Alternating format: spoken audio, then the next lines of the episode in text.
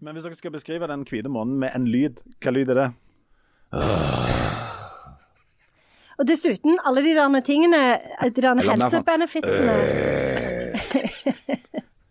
Alle de tingene som de sa i Washington Post du skulle liksom få igjen for å ikke drikke. Jeg ser ikke en- Mm. Du skal noen liksom ting av det. sprette ut av sengen om Ja. morgenen, kvitrende, mm. full av energi. Mm. kroppen blir mirakuløst yngre og mer muskuløs. Du blir som en stålfjær. Hos meg er det mer som en, jeg sagt, som en sånn halvdeprimerte potetsekk. Ja, alt er mye, mye verre. Pluss januar er jo dritlang.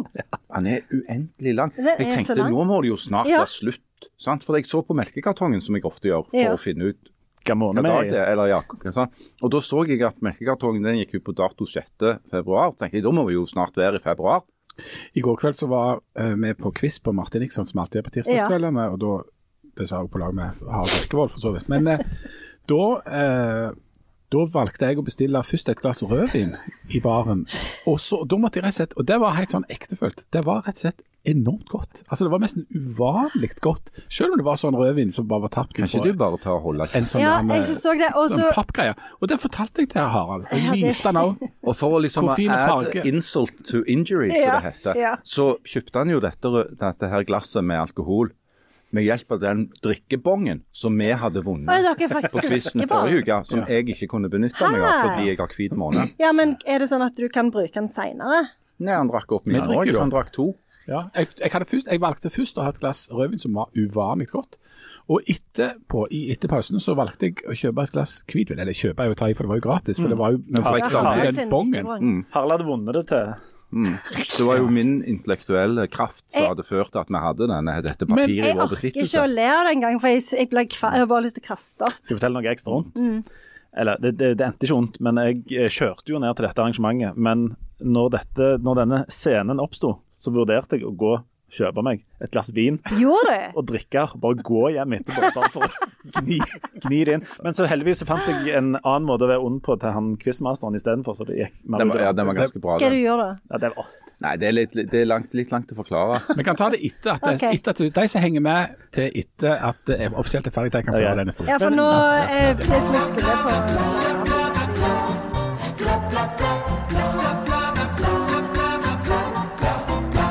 Har en sliten og stressa trebarnsmor Nei, ikke Janne.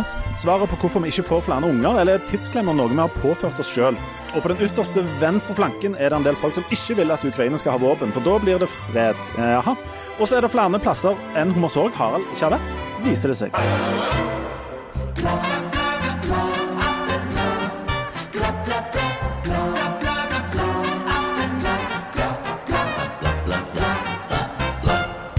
Stemmer, det. Hjertelig velkommen til Aftenbladet. Her har vi med globetrotter nummer én, minus Hommersåk, eh, Harald Birkevold. Hallo, hallo. Så har vi globetrotter nummer to, inkludert Hommersåk, Jan Sand. Hei og hipp. Hei, Det var ja, lyd. er Den nye lyden av folk som fremdeles drikker i januar. Hei og hipp. Og så har vi eh, globetrotter nummer tre, men kun på bibliotek, selvfølgelig. Omkring landet, inkludert Hommersåk, regner jeg med. Eh, Janne Stigen Drangsvold. Så har vi òg heimføding Leif Judas Iskariot eh, Tore Lindø. Tidligere kjent som kulturjournalist, nå har han svikta det. Ja. Pass, velkommen. Og jeg er oppvokst på Hommersåk. ja, det er du. Og jeg har vært plasser dere bare kan drømme om å Har komme du det? Ja. Fem år i Butan. Kom igjen, hva har du? Ja, Du har jo kjørt den langs den ene veien i Butan. det har jeg. Eh, det er jo litt sånn som i Haugesund, at du kan gå oppover Haraldsgata og du kan gå nedover Haraldsgata. I Nei, det heter er ikke sånn det. Det heter nordover eller sørover. nord eller Sør- sør. Ja. Sånn er. Men i Bhutan så er det også sånn at du kan enten så kan du kjøre den ene veien, eller ja, du kan jo kjøre andre veien òg, men mm, ja, det er liksom det det kommer til. Ja. sist så eh, røpte jo du, Harald, at du aldri har vært på Hommersåk. Ja, og det har jeg fått enormt mye kritikk for. Ja, og mye reaksjoner på dette. Veldig mye reaksjoner fra folk som mener at det er uhørt at en som har hatt så lang fartstid i, eh, Livet. i livet og i, i mediene, i Stavanger Aftenblad, som jeg aldri har vært på Hommersåk. Men jeg vil bare ile til og understreke at det, det, det har ikke vært et bevisst valg. Det har bare vært et av de mange pussene som skjebnen har spilt meg gjennom livet. Det er at jeg aldri har hatt et ærend på Hommersåk. Men allikevel en, Jeg har vært på Ims og Lauvik og Bersagel og Høle gjentatte ganger, men jeg har aldri vært ute av bilen i selveste Hummersåk. Men dette er jo veldig spesielt for en rogalending på din alder. Du er 70 et eller annet. 79 nå. Um, ja. Ja. Og aldri har vært på Hommersåk er spesielt. Jeg skjønner jo at dette er noe jeg må gjøre noe med, og jeg har også blitt sterkt oppfordra til å ta grep Ja. eh, i sakens anledning og rett og slett bare gjøre meg et ærend til Homosak. Og da tenkte jeg jeg skulle gå rett til selve kua, da. Altså, altså hvis du nå av forskjellige grunner føler deg forplikta til å ta en tur til Hummersåk, Ja. hva bør du liksom ha fått med deg når du drar derfra? Hva er liksom topp tre i Hummersåk? Spør, spør du meg? Ja, siden du tross alt kommer derfra, så Det er jo eh, eh, et besøk hos mor mi. Er jo topp én. Altså, det, det, er- det er premiegrisen, på en måte. Ja. Må du si fra, eller er det bare å komme? Nei, nei, vi sier, trenger ikke si fra. Det er bare å du, komme. Ja, for du kan komme innom på Morsog, i hvert fall der hos mor mi, så går det an å komme innom. Ja, men er- Låser ikke folk okay, dørene Det var én ting. Ja. Jeg kom innom til Ja. mor di. Ja. Og etter du har vært hos mor mi, så vil jeg an- Far din, er han i bildet? Han er der, men han er sannsynligvis ute og holder på med et eller annet. Men ja, han så kommer det, inn når det det er er mor di jeg drar på besøk til. Ja. Uh, og så vil jeg, uh, Tips nummer to det er rett og slett å stikke innom tante Berit. Uh, der kan du òg komme innom, trenger ikke avtale noe Før eller etter mor di? eh, etterpå. Etterpå. Eh, og så Da er antageligvis onkel Ivar ute og holder på med et eller annet, men han kommer inn når det er mat. Ja. Eh, Og Når du har gjort de to tingene der, så har jeg et eh, jeg har egentlig et veldig bra tredjetips. Og det er å stikke innom til tante Jane. Ah. der er nok to, onkel Torbjørn ute og holder på med et eller annet, men når det er mat, så kommer han inn igjen. Og Hvis du klarer de tre tingene der, så har du, da har du liksom runda Hummersåk.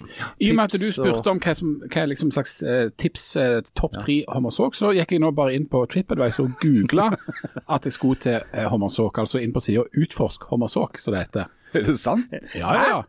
Og der, eh, der kommer det da opp eh, topp tre. Der kommer det opp liksom, høyde, Dette er høydepunktet på en plass. Dette kan du gjøre i hele verden. Det Står tante. Jane der? Eh, det som er litt spesielt, er at Nå skal vi høre hva det er, liksom altså, det er under, under steder å se eh, så kom det forresten opp Vi kunne ikke finne attraksjoner i nærheten av Hommersåk. Uh, No shit. men det var nok jeg trykte, det trykte på å se alle. Men det nærmeste er Lifjell, Vårlivarden og Dalsnuten, som Ja. er strengt tatt til Og Sandnes. alle de tre plassene har jeg vært. Ja. Og de har til felles at de ligger ikke på Altså, de ligger, Nei. det det er plasser der du kanskje kan se Hummersåk. Ja. Ja. Hvis du går feil eh, på Vårliverden jeg har bodd i over 20 år av mitt liv på Våland med utsikt direkte til Hummersåk. Eh, Det, er liksom, det er det du ser ut vinduet fra den leiligheten som jeg bodde i i så mange år. Det er Hommersåk. Sånn at jeg har jo sett mye. Jeg har sett mer på Hommersåk Ja. tror jeg, enn mange som bor på Hommersåk. Men etter vi snakket om dette, så har, er det ganske mange som har tatt kontakt og syns dette var rart. Eh, Men òg kommet med sine innrømmelser av plasser de aldri har vært. Eh, Vi har en kollega som er, eh, mener jeg, passert 50. Mm. Eh, Rogalending. Aldri vært i Sirdal. Hæ? Aldri vært i Og det Sirdal. vi hoppet også, det var vår reaksjon. Hæ? Du må jo ha vært i Sirdal. Jeg har aldri vært i Sirdal. Jeg kjenner en som kjenner en som kommer fra Sandnes, som aldri har vært i Tananger. Nemlig. Um, eh, jeg tenker vi må ta en liten runde. Jeg tror aldri jeg, jeg, jeg har sagt at jeg har vært på Preikestolen, men jeg, når jeg tenker meg nøye etter, tror jeg aldri jeg har vært på Preikestolen. Eller på Skjærag. Og det er en sånn eh, lokal skam. Ja, det er litt spesielt. Ja. Ja. Gjerne. Jeg har heller aldri vært på Preikestolen eller det? Nei, men jeg pleier å lyge om det, så jeg kommer nok til å lyge om det igjen. Ja. Hvis jeg blir spurt om det. Hva for, Si en kommune i Rogaland du ikke har vært i. Mm, jeg kommer ikke på noen. Har du vært på Utsira? Det pleier der folk ikke har vært. Um, ja, jeg tror vi var på en sånn klassetur til Utsira en gang. Det, ble, det er min. Preikestolen-historie, nemlig. Ja. Ja. vi var der på Ja, det var jo ungdomsskolen, i så var vi jo der, men har ikke vært der. Nei. Si en annen kommune, da. Lund. Du har vært i Lund. Alle som har kjørt E39 har vært i Lund. Ja, ja. Eh, Sauda, har du vært? Ja, Sauda har jeg vært. Der har jeg vært på biblioteket, selvfølgelig. Jan, har du noen hull? Nei, ikke spør meg om sånt. Nei, nei. Familieprogram. Ja, altså Det er greit nok at det er erotikken så, men litt Ja. frivillighet Ja, ja, det, det. det er helt sant. Men, men har du noen sånne? Nei, du vet, du hva, Jeg, jeg syns dette er en så enormt rar eh, diskusjon. For det at eh, jeg går ikke rundt Altså Verden består jo av utrolig mange plasser, Ja, det- det er inkludert. Rogaland. Ja. Words of wisdom. Ja, words of wisdom. Whis Vil dere jeg skal kviskre de? Kom det på Nei, en kopp. ikke gjør det. Jeg kan whisper words of wisdom. Trygve Skaug har sikkert allerede gjort det. Han har skrevet Men, det. og, og derfor så er enormt mange plasser i verden har han skrevet. Men fordi det finnes så enormt mange plasser, er jeg bare én person med begrensa liv og ganske tomt, egentlig.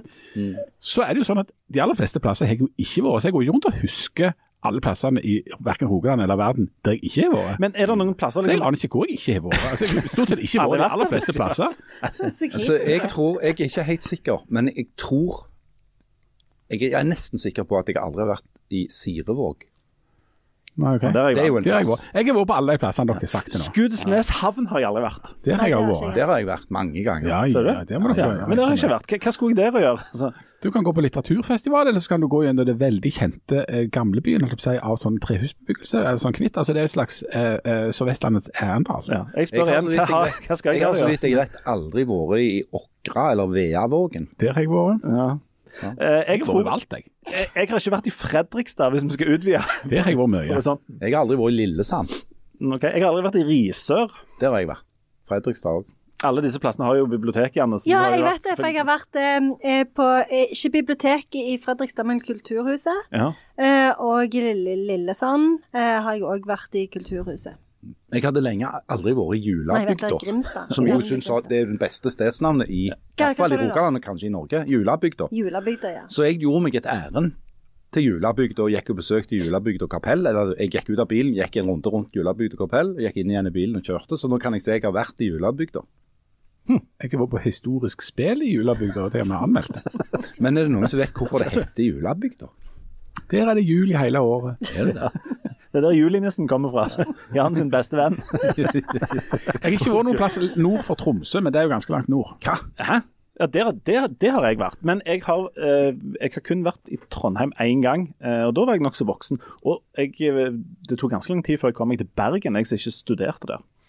Um, men, eh, men at Harald ikke har vært på Hommersåk, er sjokkerende. Og så er det én ting til, Harald, og det er at eh, Har du vært på Hellestø? Ja. Hvilken kommune ligger Hellestø i? Sola. Ja. Hvorfor sa du da sist gang at det lå på Klepp? Nei, fordi jeg tenkte på en annen strand. Jeg er sulten. Men vi, vi beklager til alle Poenget var iallfall, uansett fanden sett, at Hellestø ligger iallfall ikke i Sandnes. Nei, det er sant. Ja. Det er helt sant. Det Det var det. Men nei, det er klart det ligger i Sola. Jeg visste jo egentlig Sola. Jeg vet ikke hvorfor jeg sa Klepp. Ja, Men det jeg kan si, hvis du skal da til Hommersåk, du som er interessert i mat, så er den beste plassen nede der ifølge TripAdvisor eh, Hommersåk wok og sushibar. Ja, den er nedlagt. Den er nedlagt. Og, eh, og den nest beste er restaurant Søl, som så vidt jeg vet Den er i Stavanger. Ja. Men, men, men trien er, trien er Hommersåk bistro. Eh, Den tror jeg fins. Jeg tror at den beste restauranten på Hummersåk enten er hjemme hos mor til Leif Tore, eller eventuelt hos tante Jane. Ja. Eh, og, og eh, som en god nummer tre, tante Berit, faktisk. Um, så, så jeg vil anbefale alle som skal til Hommersåk der, å oppsøke disse folka. Og jeg kan bare stikke innom, trenger ikke noen avtale. Og så er faktisk Reno altså den med to stjerner i Michelin-guiden, den er på en sjetteplass rett bak Mono Pizza og Jeg og du. på. Hommersåk. Hommersåk har kommet seg voldsomt. Du bør Altså, stoppe innom her. altså Hommersåk bistro og den nedlagte Hommersåk wok og sushibar er altså mye bedre enn Reno den med to stjerner i Michelin. Dette forteller mye om hummersøk. Det gjør det. De upper gamet når de kommer ut der. Gi oss litt asiatisk husmannskost, ikke den fisefine skummaten med sånn blomster på. Uff. Uff, uff, uff, fy. OK. Men, Ja vel. men, men, men jeg skal hoppe eh, over på en annen ting som vi snakket om sist gang, og det er Men Vi, vi snakket om hvorfor eh, nordmenn får så få unger, og færre og færre unger. Um, eh, dette snakket vi langt og lenge om, og eh, det har vi også fått noen tilbakemeldinger, bl.a. ifra eh, Cecilie som eh, omtaler, omtaler seg selv som eh, stressa eh, trebarnsmor. Sliten og stressa trebarnsmor, faktisk. Hei, Cecilia. Hei, Hei, Cecilie. Cecilie. Og hun har sendt oss et, eh, et, en e-post på eh, bladblad.aftenblad.no. Eh, og den tenkte kanskje at vi skulle lese i sin helhet. Eh, fordi eh, den var ganske interessant. Kan, kan du lese, Janne? Jeg kan lese. Kan vi få sånn eh, kvinnelig stemme? Føler du vi trenger en kvinnestemme? Ja, vent litt. Jeg bare tenkte et sliten trebarns... Sliten, stressa trebarnsmor. Hvem kan det være? Hvor mange slitne trebarnsmødre? Du kan liksom kanalisere dette her på en helt spesiell måte. Og så Hvis du legger deg til litt sånn Åkra-dialekt, så hadde det vært litt ekstra kult. Nei, nei, men bare, bare les det. Hei. Jeg hørte på Aftenbladet her om dagen. Fantastisk podkast. Der det ble diskutert hva man kan gjøre for at fødselstallene skal stige igjen. Dette tente noe i meg, for jeg mener at en veldig fak viktig faktor ikke ble nevnt, og blir som regel aldri nevnt når dette ellers diskuteres, og jeg klarer ikke å sitte stille i båten lenger. Mitt ønske med denne e-mailen er at enten at dere skriver en sak om dette temaet, eller at den kan leses av Aftenbladblads fine folk, så det kan diskuteres igjen. Det er nesten som om jeg angrer på at jeg har blitt trebarnsmor i det samfunnet vi lever i i dag, selv om jeg selvsagt aldri ville vært foruten barna mine. Vi lever i et av verdens beste land når det kommer til permisjonsordninger, og det er fantastisk at man kan tilbringe så mye tid med babyen det første året. Men deretter er det lagt opp til at det er staten som skal oppdra dem i barnehage og SFO. Jeg hadde alltid en plan om å jobbe redusert etter at barn nummer tre kom, men med økt boliglånsrente, økte strømpriser og generell prisvekst på alt, gjør, eh, blir ikke dette mulig lenger. Jeg vil påstå og si at de fleste foreldre kan kjenne seg igjen i at småbarnsperioden er den mest tids- og økonomisk krevende tiden en har i livet. En har nylig kjøpt seg hus som ofte skal renoveres, for en har ikke råd til å kjøpe et nyoppusset hus, samtidig som barnehage og SFO skal betales sammen med alle andre utgifter. En har enda en del steg igjen å klatre på lønnsstigen, og en får ikke den ekstra ferieuken før en er over 60 år. Hva skal en med den ferieuken da? Jeg trenger den nå. Med fem uker i året så går det ikke opp med all ferien barna har fra skole og alle planleggingsdager. Hva har egentlig politikerne tenkt her? Det er en evig kabal en må jobbe med. Før i tiden var det som regel en hjemmeværende mor som tok seg av husvask, klesvask, matlaging, barn og all den logistikken familielivet bærer med seg. I dag skal både mor og far jobbe 100% men hvem tar seg av den jobben husmoren tidligere hadde? En snakker gjerne om det tredje skiftet, at kvinnen ofte tar ansvar for alt dette på hjemmebane, som gjør at kvinnen jobber mer enn 100% Nå skal ikke jeg gå inn på likestillingsdebatten her, men det eneste jeg ønsker er at både mor og far skulle fått jobbet redusert inntil barna eller barnet er mer selvgående, men en skulle fremdeles fått 100% lønn, for en har ikke råd til noe annet. Dette tror jeg hadde hjulpet på fødselstallene. For vi sliter oss helt ut med å prøve å levere to barn i barnehage, gjøre én klar til skolen, samtidig som en skal prøve å rekke jobben klokken åtte, for så å løpe fra jobben klokken 16 for å hente barna eh, før barnehagen stenger, lage mat med hylende unger, vaske opp, legge barn, pusse opp eller jobbe inn tapt arbeidstid fordi en ikke rakk å være åtte timer på jobb den dagen. Så venter natten med dårlig søvn for barna våkner. Når helgen kommer, skal en endelig få være sammen som familie, men da venter husvasken.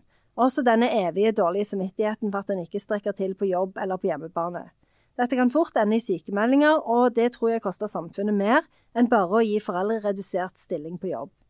Mine foreldre sa faktisk til meg i går at vi har altfor lange dager, og at barna er altfor lenge i barnehagen. Men hva skal vi gjøre? Jeg tror de færreste er så privilegerte i dag at en lønning strekker til i hjemmet. Med 100% stilling og jobb på Forus, så må faktisk barna være i barnehage fra halv åtte til halv fem. Mine barn får en helt annerledes oppvekst enn det jeg gjorde, og jeg vet ennå ikke hva en oppdragelse, oppdragelse fra staten kommer til å gjøre med dem. Altså, jeg konkluderer med å skrive at alle må slutte å snakke om de gode permisjonsordningene vi har, og heller starte å diskutere redusert arbeidstid for småbarnsforeldre, men med 100% lønn, sponset vaskehjelp og matkasser for ikke å snakke om mer ferieuker. Hilsen sliten og stresset trebarnsmor Cecilie. Mm. Ja, takk skal du ha, Cecilie. Mye, mye av det kunne vel du skrevet under på? Du, du, har jo sagt mye lignende ting i denne podkasten opp gjennom. Ja, jeg har jo det. Og jeg, når jeg tenker tilbake på den der småbarnstida, så, så jeg tenker liksom på å ha veldig vondt i armene. For det føltes som jeg til enhver tid bar et barn og ei kake som skulle på en eller annen avslutning, og kanskje en cello eller to, for de måtte jo gå på kulturskole. Og dine unger hadde selvfølgelig to celloer. Ja, ja, de hadde det. Hovedcelloen, altså den reservecelloen. Mm. og så, altså så eh, dette her eh, konstante Sånn som hun snakker om, at du, du har dette tankekjøret hele tida, og du sitter liksom i kø eh, fra Forus eller Ullandhaug til barnehagen, som selvfølgelig ligger på Bogafjell. Og så ser du at klokka er ti på halv, og du er på Stangeland, og du vet at det er ingen måte du kan nå den barnehagen før den stenger halv fem. For det er den, den beskrivelsen som hun gjør, altså dette er noe som folk kjenner igjen. Da tror jeg enormt mange har det sånn. Og så kan vi jo begynne å bore litt i hvorfor det er sånn. Utgangspunktet her er jo eh, en slags eh, et premiss om at vi, vi må få opp fødselstallet. sant? Det, det er utgangspunktet her. Og, og, og hvorfor, hvorfor, det ikke går. og Det er jo den opplevelsen folk får av stress. Og Det handler om tid, og det handler om penger. Og at livene våre er møblert sånn at uh, dette ikke går i hop. Um, en, en, beskrivelse som uh, vel er tidsklemma, ikke sant? Ja, dette er tidsklemma uh, beskrevet. Um, men for å være litt kontrær her nå. Hver gang det blir snakk om denne tidsklemma, så uh, begynner jeg å tenke på oldemor mi. Hun, I 1917 så flytta hun og mannen, altså min oldefar, opp uh, til et sånn eh, gammelt skakt hus oppe i Svandalen, uh, ca. en mil opp i fjellet ifra Sauda. Det har jeg aldri vært. Nei, det, jeg har heller ikke vært der. Jeg har vært der. Ja, folk har rennet på ski, men dette var lenge før skitrekk, og dette er ikke med skitrekket der. Men iallfall, der, reiste, der flytta de inn. Der var det verken innlagt vann eller innlagt elektrisitet. Uh, hun uh, hadde da tvillinger, men hun hadde den tredje i magen. Uh, og skulle i løpet av den tida de bodde der, få åtte unger. Altså snakk om fødselsoverskudd. Men hun, det, i og med at det verken var strøm eller vann eller noe som helst, så var det sånn at hun hadde ikke oppvaskmaskin, hun hadde ikke vaskemaskin, hun hadde ikke tørketrommel, hun hadde ikke induksjonstopp, hun hadde heller ikke sånn uh, ovner med vannbåren varme. Hvis, uh, hvis, hun skulle vaske klær, så måtte hun gjøre det i elva, uh, eller måtte, hvis hun skulle bruke vann, så måtte det altså bæres opp i noen bøtter. alle klær, alle bleier, absolutt alt måtte altså håndvaskes. Uh, Mannen han jobbet for en stor del, eh, han jobbet på fabrikken, så han var eh, i lange perioder bodde han på hybel nede i eh, Sauda der. I 1919 så ble det innført de første arbeidstidsbegrensningene i Norge. Da innførte de 48-timersveka. altså at du jobbet ti timer til dagen eh, cirka da. Ren kommunisme. Ja, så, så, ja, så, dette satt hun i da. måtte hogge ved hvis de ville ha varme, hvis de ville ha oppvarmet vann, så måtte de hogge ved og bære den inn og fyre med den. I 1932 så brant huset ned. Eh, de hadde ikke mye, vi hadde ikke mye, men, men, men vi mista mye, sa hun da eh, etterpå. Så da var det å begynne på nytt igjen. Um, altså det, jeg, jeg, påstår ikke at, at, vi skal tilbake der, men, men Men dette illustrerer noe om at altså I tidligere tid, før en hadde alle disse hjelpemidlene, før en hadde alt, alle disse ordningene, så fikk altså folk noe grasatt med, med unger, bl.a. sannsynligvis fordi det, det ikke fantes p-piller. Ja, det er jo ja. bare Men, den eneste grunnen til at ta en sjanse nå og tippe at hun oldemor ikke jobbet. Altså, oh, ja, ja, ja, hva skulle jeg si det? For Den store forskjellen er at altså, hun, jobb, eller, hun jobbet jo, men hun hadde jo ikke en jobb. Ikke hun hadde ikke lønnsarbeid noen plass. Sånn at den, den, store forskjellen er jo Det er mange forskjeller som har dukket opp siden tid. Eh, F.eks. har arbeidstida blitt radikalt redusert. Vi har aldri eh, hatt mer fritid. Vi har aldri hatt mer egentid enn nå. Eh, men, og, så har det aldri vært flere på en måte damer som har vært ute i jobb. Men allikevel så er det sånn at eh, den siste tidsbruksundersøkelsen til eh, Statistisk sentralbyrå, som er fra 2010, eh, viser at det er da 39% av damer og 48% av menn som arbeider på en gjennomsnittlig dag i Norge. Sånn at det er ikke sånn at alle er på jobb hele tida i det hele tatt. Um, sånn at vi er nå i en historisk situasjon der vi sannsynligvis aldri har hatt det bedre, aldri har jobbet mindre, aldri har hatt mer fritid, aldri har brukt mindre tid på husarbeid. Eh, tidsbruken damer har brukt på husarbeid har gått ned med to timer fra 1970 til 2010, mens den har gått opp for menn med eh, i underkant av en time. Eh, så jeg, forst, jeg, er helt enig i at det er travelt, men spørsmålet er om vi konstruerer oss noen, noen eh, liv som, der vi skaper vår egen tidsfelle. Eh, for at hun, hun eh, oldemor mi, jeg tror ikke hun heller hadde så voldsomme sånn tanker om verken karriere, eh, selvrealisering, egen tid. Fritid eksisterte jo ikke. sant? Det, det er jo noe vi har nå, da. Så, så, er det noe med hvordan vi møblerer livet vårt, og, og har vi en for stor tro på at enten staten skal ta dette ansvaret, eller som hun nå foreslår, hun Cecilie, at det er arbeidsgiver som skal bli arbeidsgiver sitt problem at vi har møblert livet vårt, sånn at de skal betales 100 for at vi skal jobbe mindre. I don't know. Men det er jo klart at det, samfunnet ser jo helt annerledes ut nå, sånn som du sier. Og vi vil jo ha andre ting ut av livet. Og det er jo ikke noe galt i å ønske seg et bedre liv enn det oldemor di hadde. Og, eh, det, og, og, jeg tenker liksom at det, hvis, det er jo ikke sikkert at hvis hun, sånn som du sier med p-pillene, altså det er jo ikke sikkert at hvis hun hadde fått valgt at hun hadde vært hjemmeværende, eller at hun hadde fått åtte barn. fordi kvinner døde jo ganske ungt òg. Jeg ser på meg og oldemor når jeg ser bilder av hun, så ser hun ut som hun er 80 når hun er 32, liksom. spør, meg, spør meg hvor gammel oldemor ble. Ja, hun ble sikkert veldig gammel, for du har sikkert veldig gode gener i din familie. Det var, det var ganske løye, for hver gang vi reiste til Sauda i, i vinterferie og påskeferie, sånn, så måtte vi alltid gå bort til, eh, til oldemor eh, og hilse på henne. Og eh, Min barnemotivasjon for å gå der var jo at hun hadde camferdrop, jeg fikk alltid noe godt. Men så har foreldrene mine innrømt nå i ettertid at eh, det de egentlig sendte oss bort for oss, og liksom at at det var, skulle være sånn siste møte for oss så enormt gammel at hun kom sikkert til å dø snart. Det tok hun på med i 20 år eller noe sånt, for hun ble 101. Ja. Men sånn som min oldemor, hun hadde elleve barn og ble 52. Ja. Eh, og det er jo ehm, jeg, jeg synes ikke altså Selvsagt så er det jo eh, sånn så um, En kan jo si at ja, men vi lager problemer for oss selv fordi at de skal f.eks. gå på fritidsaktiviteter, og de skal liksom Alle skal realisere seg selv i dette samfunnet, så derfor så er alle litt egoistiske, og vi har òg lyst til å liksom fremme våre egne barn. eh, men, men, men, men samtidig så må du jo forholde deg til det samfunnet som, som, som er, sånn som det finnes. Og jeg tror i hvert fall ikke at det, eh, liksom, løsningen er å ta et steg tilbake eh, og tenke at, eh, at kvinner skal jobbe mindre, f.eks. Nei, men, men kanskje vi ikke skal kjøre ungene på alle treningene. Kanskje vi skal si dere må sykle. Kanskje vi ikke skal, skal stå og se på og heie på sida. Vet, det det er ikke tid til, eller det gidder jeg ikke. Altså, det, det er noe med oppfølging av barn som også er, så, er blitt tettere og tettere og tettere. Eh, kanskje vi skulle bare sagt at eh, nei, flott, gå på det, men det går du på eh, sjøl. Det, her er det jo to ting som hun nevner spesielt, og det er tid og så er det økonomi.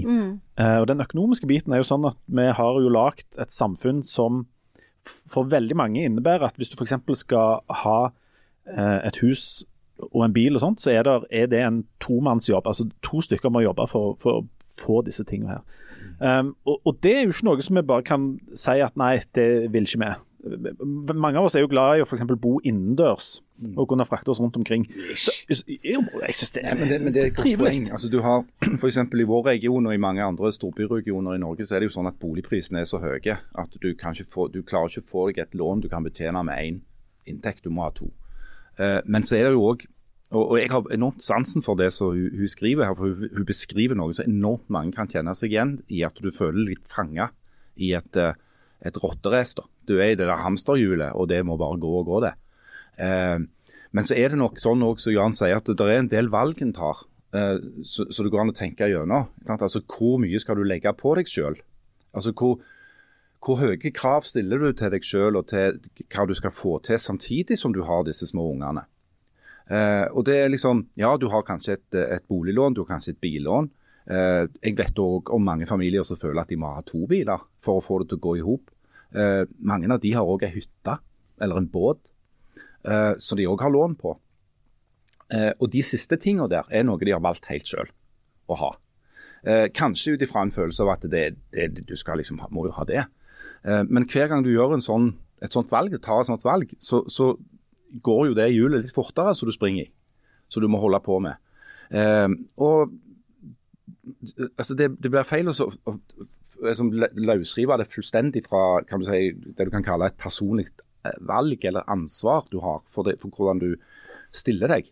Men igjen, det er en enormt reell situasjon for enormt mange. At de føler at det, det, å, det å velge å få mer enn to unger, f.eks., det er å velge å ha det ekstremt travelt i mange, mange år, eh, og med ganske lite drahjelp.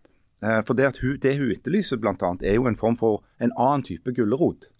En gulrot som skal gjøre det mer attraktivt å få mer enn de to ungene, sånn at eh, ikke folketallet synker for mye. Og Det tror jeg kan være noe det går an å tenke igjennom. Altså, er det, Hva er det heter på sånn, sånn bedriftsøkonomisk? Sånn, insentiver for å ha større barnekull.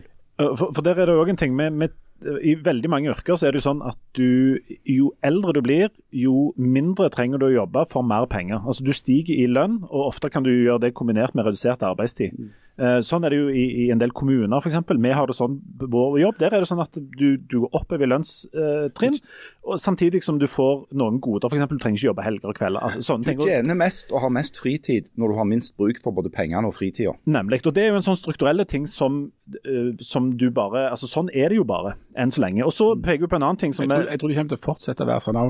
Jeg er jo helt enig i at det er et problem med, med hvor at, ja, eh, Som Harald sier, men det kalles jo ansiennitet og Ja. erfaring Ja. og karriere. Og, og, Det er ikke sikkert at det er noe galt, men det er òg en sånn strukturell ting som du, som du møter på. Hun nevner òg dette som vi har snakket om før eh, for en stund siden. Dette med at du har eh, som vanlig arbeidstaker fem uker ferie mens ungene dine har 14 eller 15.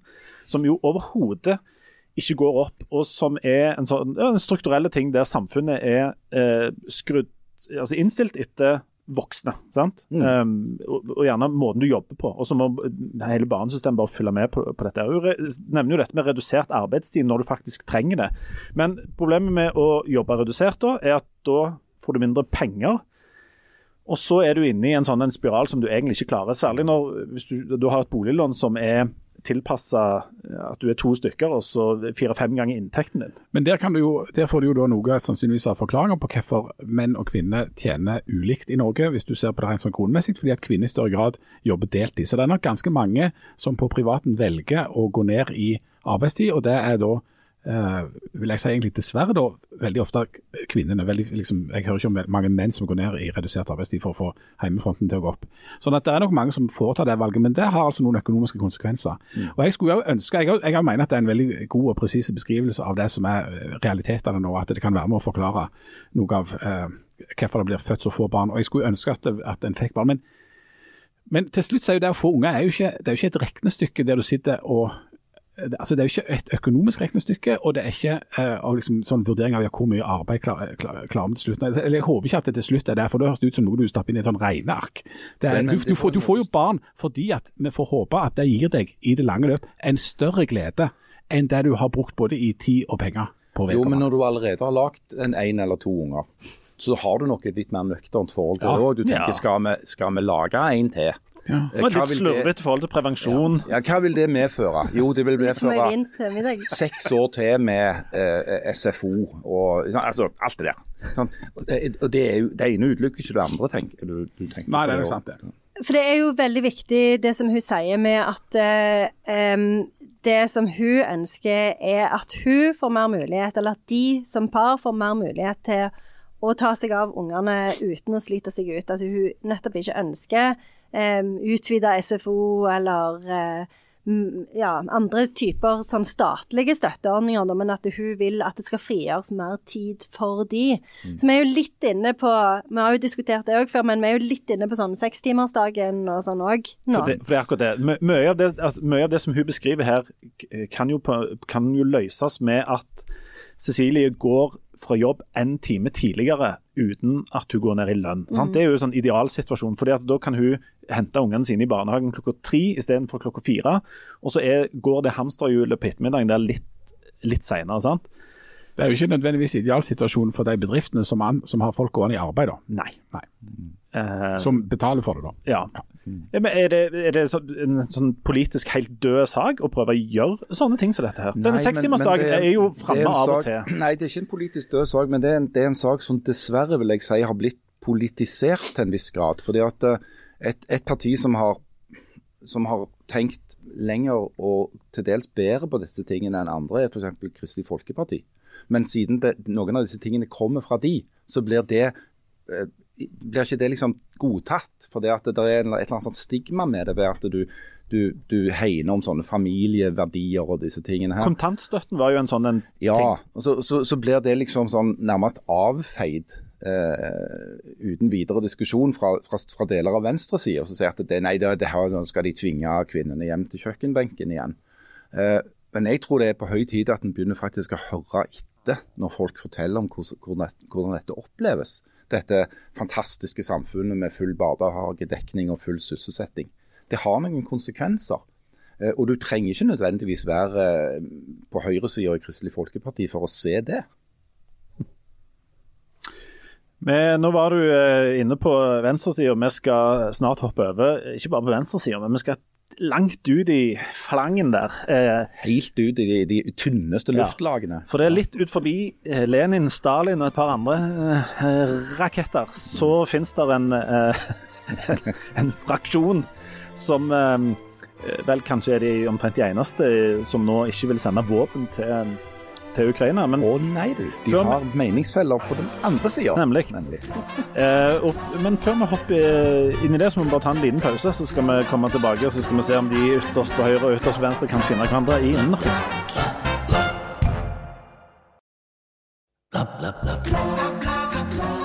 Hjertelig velkommen tilbake igjen til jeg holdt på å si, eh, Ukraina-Russland.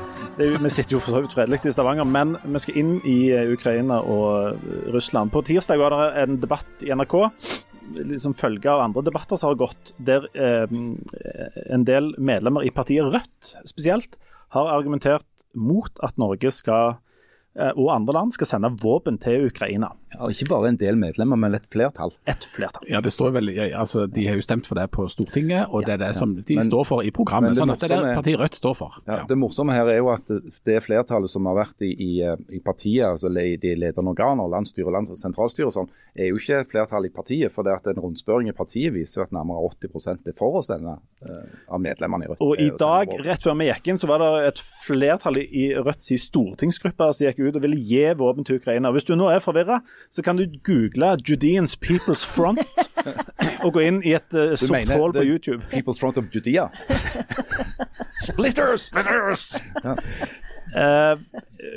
vi, vi kan begynne med, med partiet Rødt, som jo virker som et komplisert parti i en del saker.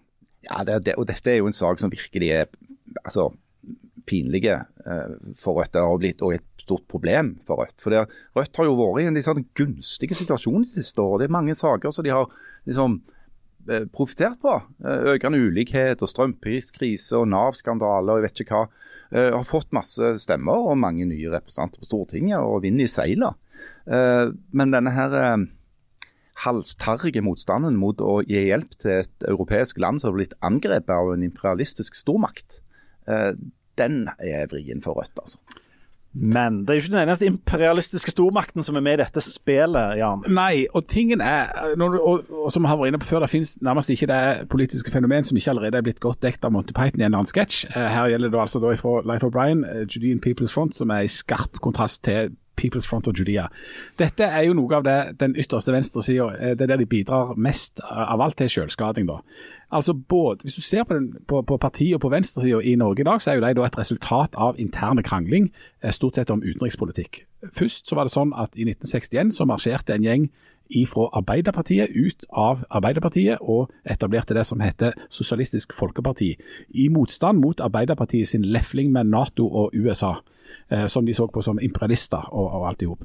Så gikk det eh, åtte år, så marsjerte en gjeng ifra SF eh, 1.2.1969 ut av eh, SF fordi at de var uenige i mye av utenrikspolitikken til SF, eh, og var mer, de var selv mer orientert mot Kina. Det ble da til AKP-ML, marxist-leninistene, altså ma maoistene der da. Og, det er, eh, eh, og så har det vært eh, mye og god krangling, og nå er vi jo ganske langt ute i marginene, men det, er- det er noe av det mest fascinerende med norsk historie jeg vet. Og, og liksom AKP-ML, sant, de skulle jo da ha væpna revolusjon. Altså Jf. det vi snakket om i forrige bolk, om at vi lever sannsynligvis i et av verdens beste land. De så ut på dette landet og tenkte her må vi ha væpna revolusjon og virkelig ta tak. Um, og så etter altså, Spol fram noen år, så sitter du da altså da med Rødt. Og Rødt er da en slags kombinasjon av disse gamle maoistene og den gjengen der, og en del sånne nye radikale krefter. Og de har alltid eh, vært preget av veldig mye sånn eh, seminar og teori og, og diskutert eh, i voldsomme bokstaver, både alt fra Mao til Marx og, og, og alt i hop. Og og, jeg tror, og, en del er veldig sånn rene og ranke og prinsipielle. Og Noe av det interessante nå er altså at noen av de gamle veteranene, en som heter Boje Ullmann og et par til, som, som har veldig lang fartstid i, i, eh, i denne bevegelsen, har gått ut og sagt at vet du hva, hvis vi mener alvor For alt dette har vært veldig tufta på en eh, kritikk av USA og USAs imperialisme Og Nato. og Nato. At hvis vi mener at vi er imot en imperialistisk nasjon som invaderer og, og bruker våpenvakt mot eh, andre land, så må vi òg ta konsekvensen av det og sende våpen til Ukraina i dette tilfellet. Det møter da motstand av en hel gjeng eh, med folk, f.eks. seks av sju toppkandidater i Oslo. Og, og på debatten så møttes da altså eh, Bård Ullmann og et par av disse folka. Eh, og, de, og de tenker da rent teoretisk, vil jeg påstå. Og det har ført til ganske mye bølger. Og, det, er- og, og liksom Endepunktet i den teorien er at hvis ukrainerne bare gir seg, så blir det fred. Ja, altså det er mye rart. Eh, Det er nesten sånn at du ikke vet hvor du skal begynne. Eh, altså, det er, der er en del av krigsmotstanden som jo det går an å forstå og til dels òg akseptere. Altså, det er folk som er konsekvente pasifister, f.eks. Så det, det er en holdning det går an å ha. eh, Å legge seg på fredslinja der. Men å sitte og se på at Russland begår dette her overgrepet mot et naboland, ekstremt voldelig, med terrorbombing av sivile mål. Eh, krigsforbrytelser som blir avdekket i et omfang som er helt ufattelig. Å klare å få dette til å bli NATO sin skyld. Fordi at de, er, de, har, de, har, på en måte gått seg fast i en forestilling om at alt fælt som skjer i verden, skyldes enten USA eller Nato eller en kombinasjon av de to. Eh, det, det, det, tyder på at eh, altså de, de, rett og slett har på seg så store ideologiske skylapper at eh, de ikke engang klarer å gjenkjenne fascismen når de ser den. Og Det pleide venstresida å være ganske gode til. Eh, akkurat det med å se en fascist og se der, hei, der er det en fascist. Eh, men de klarer ikke å se det når de ser på Russland det, og Putin. Og Det er fordi at denne fascisten kommer med et eh, rødt flagg istedenfor et brunt eller blått? eller... Ja, altså det er en sånn ideologiske suppe som jo er Som hadde vært nesten Monty Python-aktige morsomme ikke sant? hvis det ikke var så tragisk. Hvis det ikke handla om liv og død her. Det handler om en forbrytelse mot menneskeheten som utspiller seg ikke særlig langt fra Norge. Men allikevel så klarer de å sitte på et seminar og snakke om dette. her. Og så klarer de å koble det til den store konspirasjonsteorien da. Mm. Altså Han eh, i debatten sa jo at det var i Natos og USAs interesse at de jobbet på en måte mot at en skal mm. sette seg ned og få fredsforhandlinger, og at Norge da er med på det.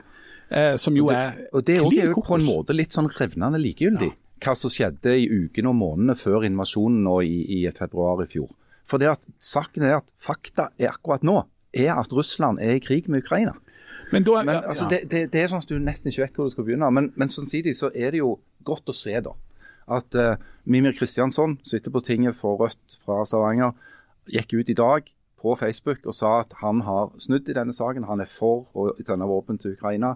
Uh, lederen i Rødt, Bjørnar Moxnes, har vært merkelig passive, syns jeg men har nå gått ut og sagt at han ønsker denne debatten velkommen, og de skal ta dette på landsmøtet. I, men han vil ikke si Hva er det altså en sånn sakspapiropplysning? Ja, det er flott med debatt. Han, han eh, Moxnes vil ikke flagge synet sitt, er vel det han har han, det, Og det han er redd for, er jo at partiet nok en gang, i tråd med tradisjonen, skal splittes i to.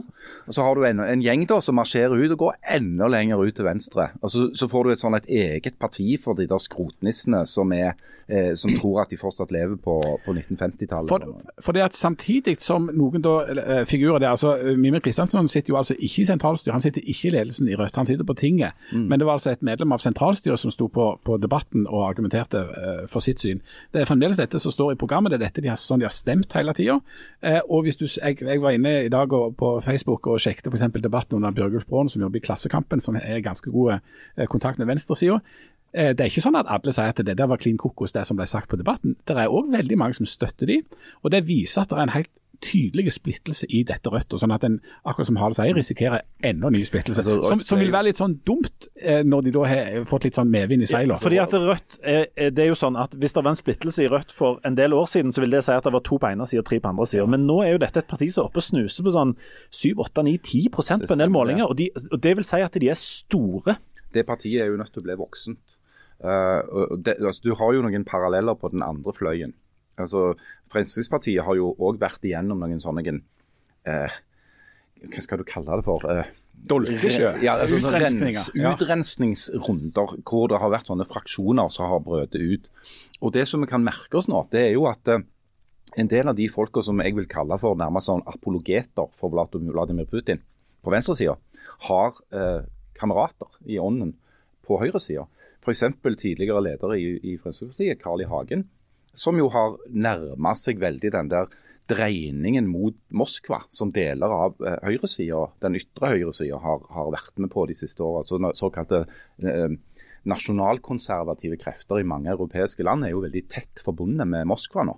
Du ser det i Polen, du ser det i, i Ungarn, du ser det i eh, mange i Italia, eh, og til, til dels òg i Norge. Og Mimir Kristiansson fortsetter jo sitt hovedprosjekt, som vel er å bli enda mer populære ut forbi Rødt og enda mindre populære i Rødt. Er ikke det det som er hans uh, ja, det, det, er jo, altså det å snu kappen etter vinden og merke litt hvor stemningen blåser, det kalles jo for populisme innenfor politikken. og Det har jo han sagt vel rett ut at han er populist.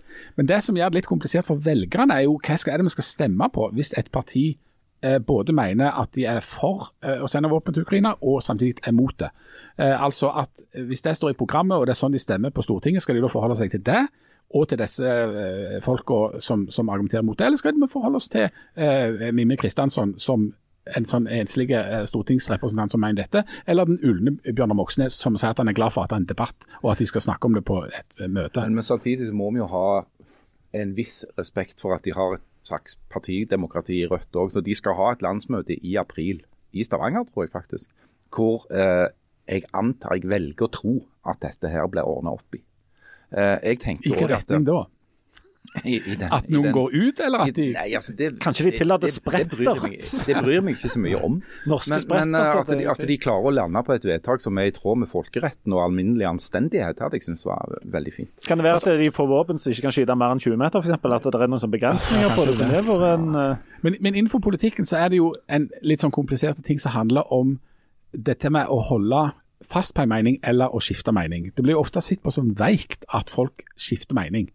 Men egentlig, så, og, og det går an å holde Ja, men du sa jo noe annet for et kvarter siden, nå sier du dette her greiene her. At liksom, det er en, en dårlig ting, da. Men SV har jo måttet gjøre dette nå. SV ble altså tufta på Nato-motstand og på eh, altså en, en utenrikspolitikk som støtter opp under Nato. Nå eh, eh, Kjersti Bergstø, som er på vei til å bli eh, ny leder der, hun var i utgangspunktet mot å sende våpen. Eh, nå har hun snudd. Å høre på Audun Lysbakken i den samme debatten var jo interessant hvis du måler med hva han sa for ett år siden. Men som han sa selv, da, da stilte norske politikere seg generelt meget skeptiske til å sende våpen.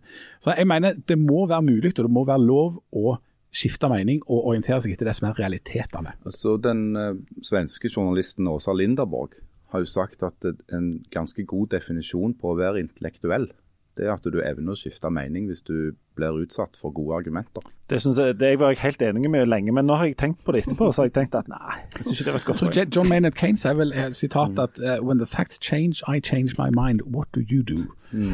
Og så har vi kommet så langt uten å nevne denne gymnaslærer Pedersen. Ingen referanser til det. Det syns jeg er faktisk sjokkerende. Jeg hadde regnet med, særlig for deg, Anne, at det skulle komme noen sånne Jeg er jo veldig frista til å sitere den store eh, intellektuelle Groucho Marx, eh, som sa en gang I have my principles. And if you disagree, I've got other principles. Meg og deg, Anne, som jo har hatt mye tillitsverv i Rødt opp igjennom, vi tilhører jo hver vår sånn eh, f- Fløy. grein av dette, sant? Ja. Ja, vi gjør det. Så Du er jo den kristenkonservative greina av Rødt. Stemmer det. sånn? Ja. Dere, hvor mange er dere nå? 30-40 stykker på landsbasis? Men, men altså, AKP-ML-bevegelsen førte jo til mye, bl.a. i kulturen. Altså, de oppretta jo Klassekampen, eh, de oppretta forlag, eh, Oktober forlag.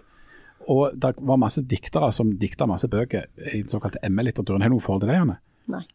Men masse forfattere. Det er mye bra der. eh, Veldig mange ja, Og mye norsk- dårlig. Ja, det er masse norske redaktører og mediefolk som jo har eh, eh, liksom holdt dette her, denne AKBML-greiene varme i og diskutert fram og tilbake om hva de skulle angre på, og hva de skulle Ja, og De, de har vært mye mer framme i debatten enn den politiske størrelsen noensinne skulle tilsi. De fikk jo aldri mer enn et par prosent oppslutning, eh, ML, eh, liksom AKBML, eh, på 70-tallet. Men, men alle snakket om de, og vi snakker fremdeles om de. Ja, og, nå er jo da Rødt, er jo da Rødt et, et prektig stort parti. Altså sperregrensa ganger to omtrent på, ja, Ja, på en del ja. målinger. Så nå er de, og, og da er det jo eh, altså Da er det jo på, på en måte mer, eh, mer i spill. Altså Dette er et parti som er med å styre Stavanger og Oslo, Ja, ja. Men, ikke sant? Og jeg la jo merke til at Raimond Johansen, altså, som er byrådsleder i Oslo, han sa jo òg i den samme debatten, programmet som vi nå har diskutert en stund, at det blir verre for han som byrådsleder å, samarbeide med Rødt Oslo, som jo har fått ny leder, som er mer eh, radikal enn den avtroppa lederen Eivor eh, Hjelp meg. Eriksrud? Ja. Eh, altså, Rødt Oslo har blitt radikalisert, uh, som gjør at han, han på noen punkter syns det er vanskelig å forholde seg til dem. Og det kan jeg til dels forstå. Da tror jeg vi ønsker eh, rødt, eh, lyserødt, mørkerødt, lillerødt, storrødt, ildrødt. Lykke til med å, å, å rydde opp i de forskjellige greinene. Nå skal jeg rett og slett gå, for vi har fått en presang som jeg bare skal skaffe. Og imens jeg gjør det, så kanskje du, Harald, kan ta tre ekstremt kjedelige minutter om oh, hva da?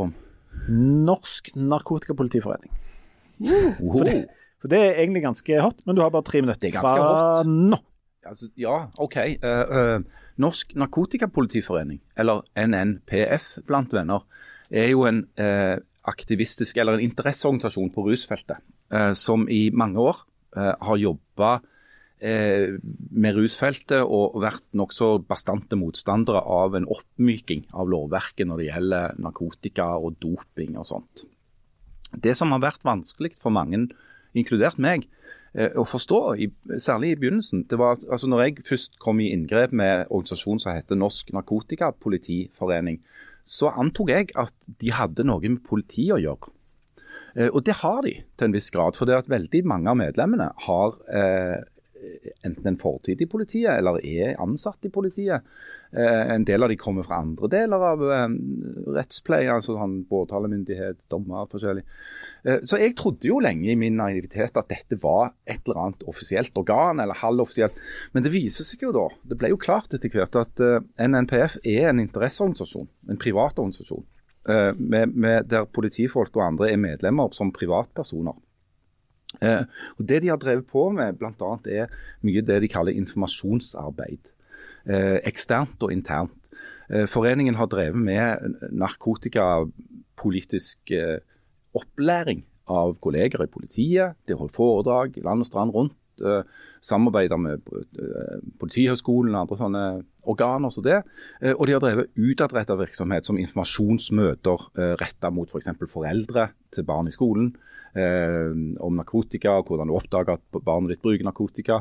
Eh, de har òg vært veldig aktive på det politikkområdet, med høringsuttalelser og meninger om forskjellige ting. Eh, dette kom jo helt på spissen når eh, regjeringen Solberg la fram sitt forslag om en såkalt rusreform i Norge, hvor hovedgrepet var å eh, gå fra det de sier, gå fra straff til hjelp. Eh, altså å avkriminalisere bruk og besittelse av mindre mengder med forbudte stoffer. Det var NB ikke snakk om å legalisere, altså si at dette nå er lov. Det var snakk om å avkriminalisere, og at reaksjonen hvis du ble tatt for bruk av sånne stoffer, skulle gå fra å bli, eh, få et møte med påtalemyndighet og politi, til å få et møte med helsevesen. Eh, dette var Narkotikapolitiforeningen sterke motstander av, og det endte jo opp med at det ikke var et flertall på Stortinget for eh, den lovendringen. Så skjedde det at etter hvert så begynte For dette kritikken av den foreningen hadde stort sett kommet ifra aktivister på den andre sida, som var for liberalisering og oppmykning av, av, regelverket. Men etter hvert så begynte store norske medier å interessere seg for denne, her, eh, denne rare organisasjonen. VG gjorde mye arbeid på det en periode. Aftenposten, NRK har holdt på. Stavanger Aftenblad var en av de første avisene som tok stilling i dette her på lederplass og i kommentarform. Eh, og Det endte da opp med at det ble nedsatt et utvalg for å se på denne organisasjonen og forholdet dens til politiet. Den eh, Rapporten ble overlevert til justisminister Mehl i forrige uke, og konkluderte i et saklig og mildt byråkratspråk, men veldig tydelig, med at det er mange problematiske sider ved eh, forholdet mellom NNPF og politiet. Eh, pengeoverføringer over mange år, eh, rolleblanding, problematikk rundt navnbruken eh, problematisering av den aktivismen de har utøvd. Og ikke minst problematisering av det problematiske ved at politiet, som har voldsmonopol i Norge, skal sørge for at lover og regler blir opp, ø, overholdt. Samtidig er inne og har meninger om, sterke meninger om lovgivning. Eh, som, der de på en måte gjør uklart grensen mellom de forskjellige statsmaktene. Da. Politiet som utøvende og, og, og påtalemyndigheten som dømmende og lovgiveren som lovgiver. Eh, sånn at alle disse her sidene ved den saken der blir problematisert og gått gjennom ganske grundig i den rapporten. Eh, som jeg håper vil føre til at eh, denne her organisasjonen får noen klare beskjeder om hvordan de skal oppføre seg framover. Så får vi se. Nå skal vi over til noe langt kjekkere, og det er nemlig presanger. Rett fra narko til presang. Vi har fått en presang. Det er en fint, jeg vil si fint innpakka pakke. Den var veldig fin. Den er veldig fin.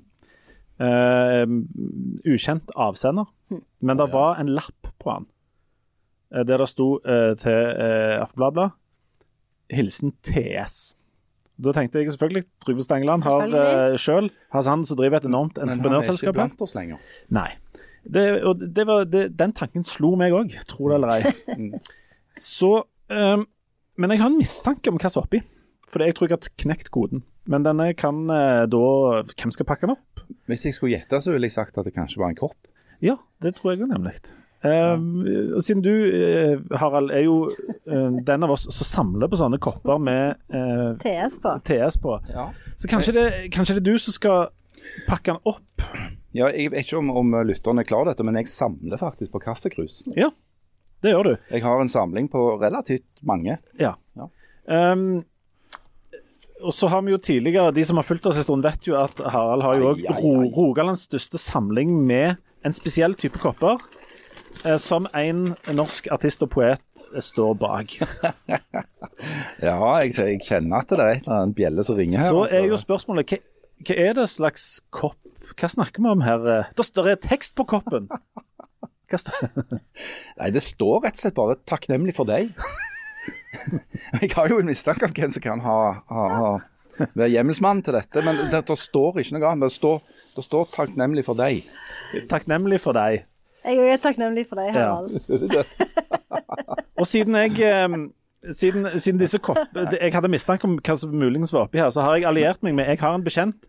Han skal få lov å være anonym, eh, men det er Kåre Vignes fra, fra Finnøy. Han har veldig gode kontakter i eh, det store gråsonemarkedet for kopper.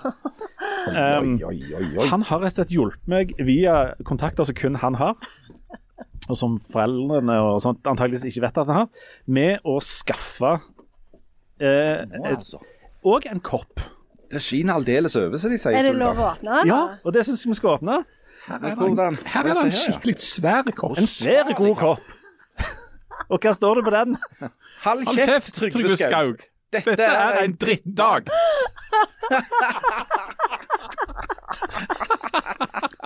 Og nå ble jeg underlig glad. Ja, sant. Jeg har ikke vært så glad siden 2022. Nei. Vil du si at det er din beste dag? Men er det, men er det Trygve Skaug som har sendt? Nei, ja, det, det, altså dette må vi jo litt til bunns i, da. Ja. Jeg, jeg ser ikke for meg at Trygve Skau har sendt en av sine egne kopper til Harald. Um, Jeg ser ikke vekk fra at han har gjort det, altså. Ja. Hører, eh, vet vi om Trygve Skau er en fast lytter til Vårt utgangspunkt er jo at alle hører på dette, til det motsatte er bevist. Litt sånn at vi har vært alle plasser. Bortsett fra de. Eh, Hvis det er noen som vil, så, som eh, vil stå fram med, som koppavsender her, så, så er det. Men jeg eh, men, Denne var veldig fin. Han Den an- utrolig ja. fin, altså. Og det er ikke til forkleinelse for Trygve Skau, som er en fin fyr og som, som gjør mye bra, men dette er mer en sånn en Hva skal vi si? Eh, En homasj. en mer realistisk kopp. Ja, det er mer en sånn en eh, Hvorfor klarer eh, em, em, Ja, det er jo litt for sånn sånne som syns at det er fint med litt ironi. At litt ironi tar oss og sånn speiser opp hverdagen. Ja, det er det. Ja. Det er jo altså de en herjer med. Det er et kompliment å bli Ja, herja med. Ja, det er det det det. Faktisk. Det er jo, det er jo, det er jo kjærlighet i, i Ja, herjing. absolutt. Ja, ja. absolutt. ja, Og, og, og, og, og jeg vil jo si at jeg er takknemlig for deg, og hold kjeft, Trygve Skau, dette er en drittdag. Du ender jo opp på samme sted. Ja. Det er jo som når Jan herjer med AKP. Men Ja, det det er er jo det. gjort med Det kjærlighet. er er gjort noen unntak for den med kjærlighet. Det kommer jo, det kommer jo fra, et, et, fra et kjærlig sted. Det gjør det. Uh, Not so much. Men du, hør. eh, det, det er det er òg sånn at vi har eh, Vi har trykt opp ganske mange T-skjorter um, som vi har liggende på et lager her, der det står eh, Jannes uh, mest eh, brukte setning, nemlig 'Jeg er så sliten'. Og jeg tenkte, Eller jeg blir så Ja, jeg blir sliten. sliten. Ja. Og jeg tenkte at uh, hvis det er folk der ute som har Altså, vi skal rett og slett begynne å samle opp kopper. Enten med uh, gode tekst på, uh, sitater og lignende, eller, Det bør være god, god tekst eller Ja. bilde eller Ja. begge deler. eller spesielle kopper. Og vi er villige til å bytte kopper mot T-skjorter. Ja, vi bytter likt. De som sender oss eh, gode kopper, skal få T-skjorte i retur. Hvis Eh, de ikke sender anonymt, da, for da blir det veldig vanskelig. Ja, det er veldig vanskelig å sende tilbake igjen. Men hvis du har en god kopp, eh, som enten som, som det, det står noe på, Mm. eller eh, som er spesielt god, så vil vi gjerne ha den til vår nye koppesamling. Nå er det ikke bare Harald som samler lenger, nå er det en, dette er en kollektiv innsats. Så hvis dere har eh, kopper, eh, har vi en slags postadresse, noen som husker den i hodet? Dere klarer å finne det til Det er vel senderen til Aftenbladet, eller? Ja, send Ja, det er jo postboks 229 4001 Stavanger. Ja. Det er ikke verre enn det. Og hvis dere trenger å komme i kontakt på annet vis, så kan dere sende oss en e-post på bladblad.aftenblad.no. Mm. Vi har òg en resepsjon der det går an å eh, rett og slett bare levere ting i Stavanger sentrum. Og Hvis du ikke gidder levere sjøl, så kan du jo bare bruke Bring eller et eller annet sånt. PostNord. Mm. Det er mye, mange muligheter. Du kan sende en kamerat hvis du har en. Ja, Hvis du har venner, så kan du sende en av de. Det er ikke noe problem. Og hvis vi får gode kopper, så kan vi jo for så vidt òg eh, bruke de. Altså, Ja. Vi skal jo ha livepodkast på. Stavangeren i februar. Da kan vi bruke kopp. Der må, der må vi selge de T-skjortene, forresten. Ja, det skal Ja, vi det, det skal Ja. pine det blir T-skjorter å selge. Men altså, handelen er eh, god kopp eh, mot T-skjorte eh, til vår eh, nye samling.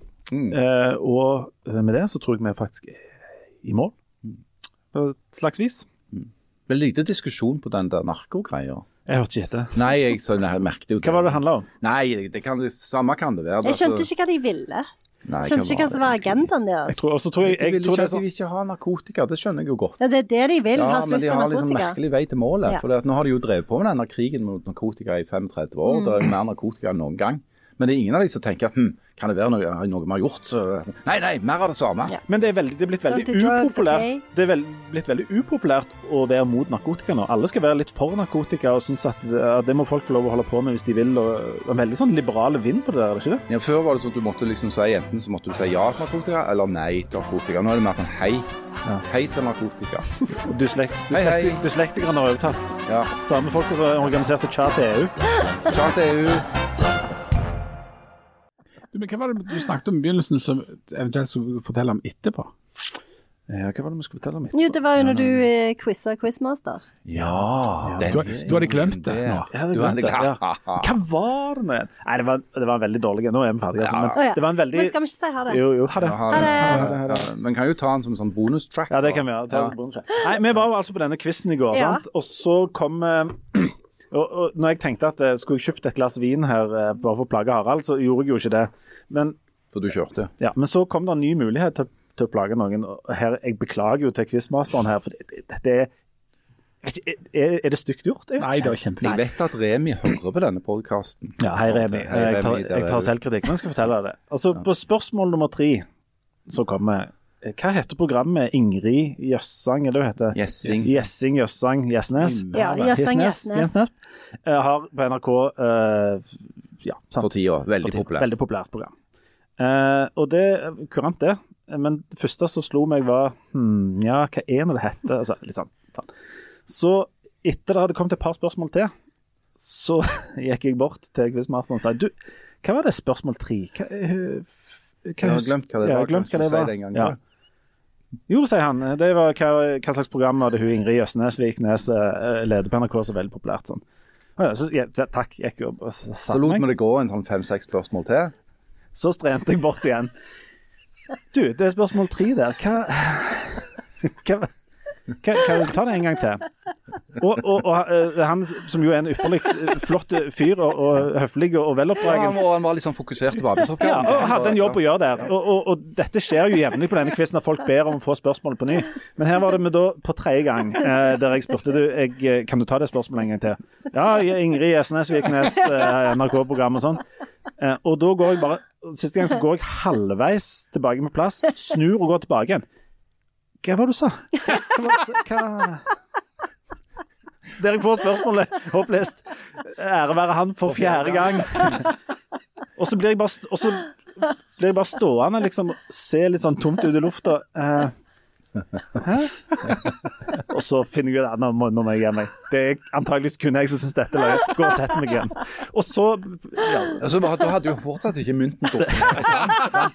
Sånn at han fortsatte jo bare og sånn og sånn. Og så, så måtte Leif Tore gå litt tidlig for hva han skulle gjøre. Eh, så, så når han skulle lese opp eh, liksom, resultatet, da, så plutselig så datt den der mynten ned hos han. Og så begynte han liksom å harke og stønne der Og, man, Å, herregud, liksom. Det skjønte han jo. Ja. Ja. Men nei, sånn går nå dagene. Ja. Nei, det som skjedde, var altså at vi var på quiz. Hvor var det vi var? Jeg, jeg, jeg husker ikke. Når da? I går? Hva da? Jeg var ikke der i går. Nei da. Nei da. Hvem er du? Men det som skjedde, var altså at vi var på quiz på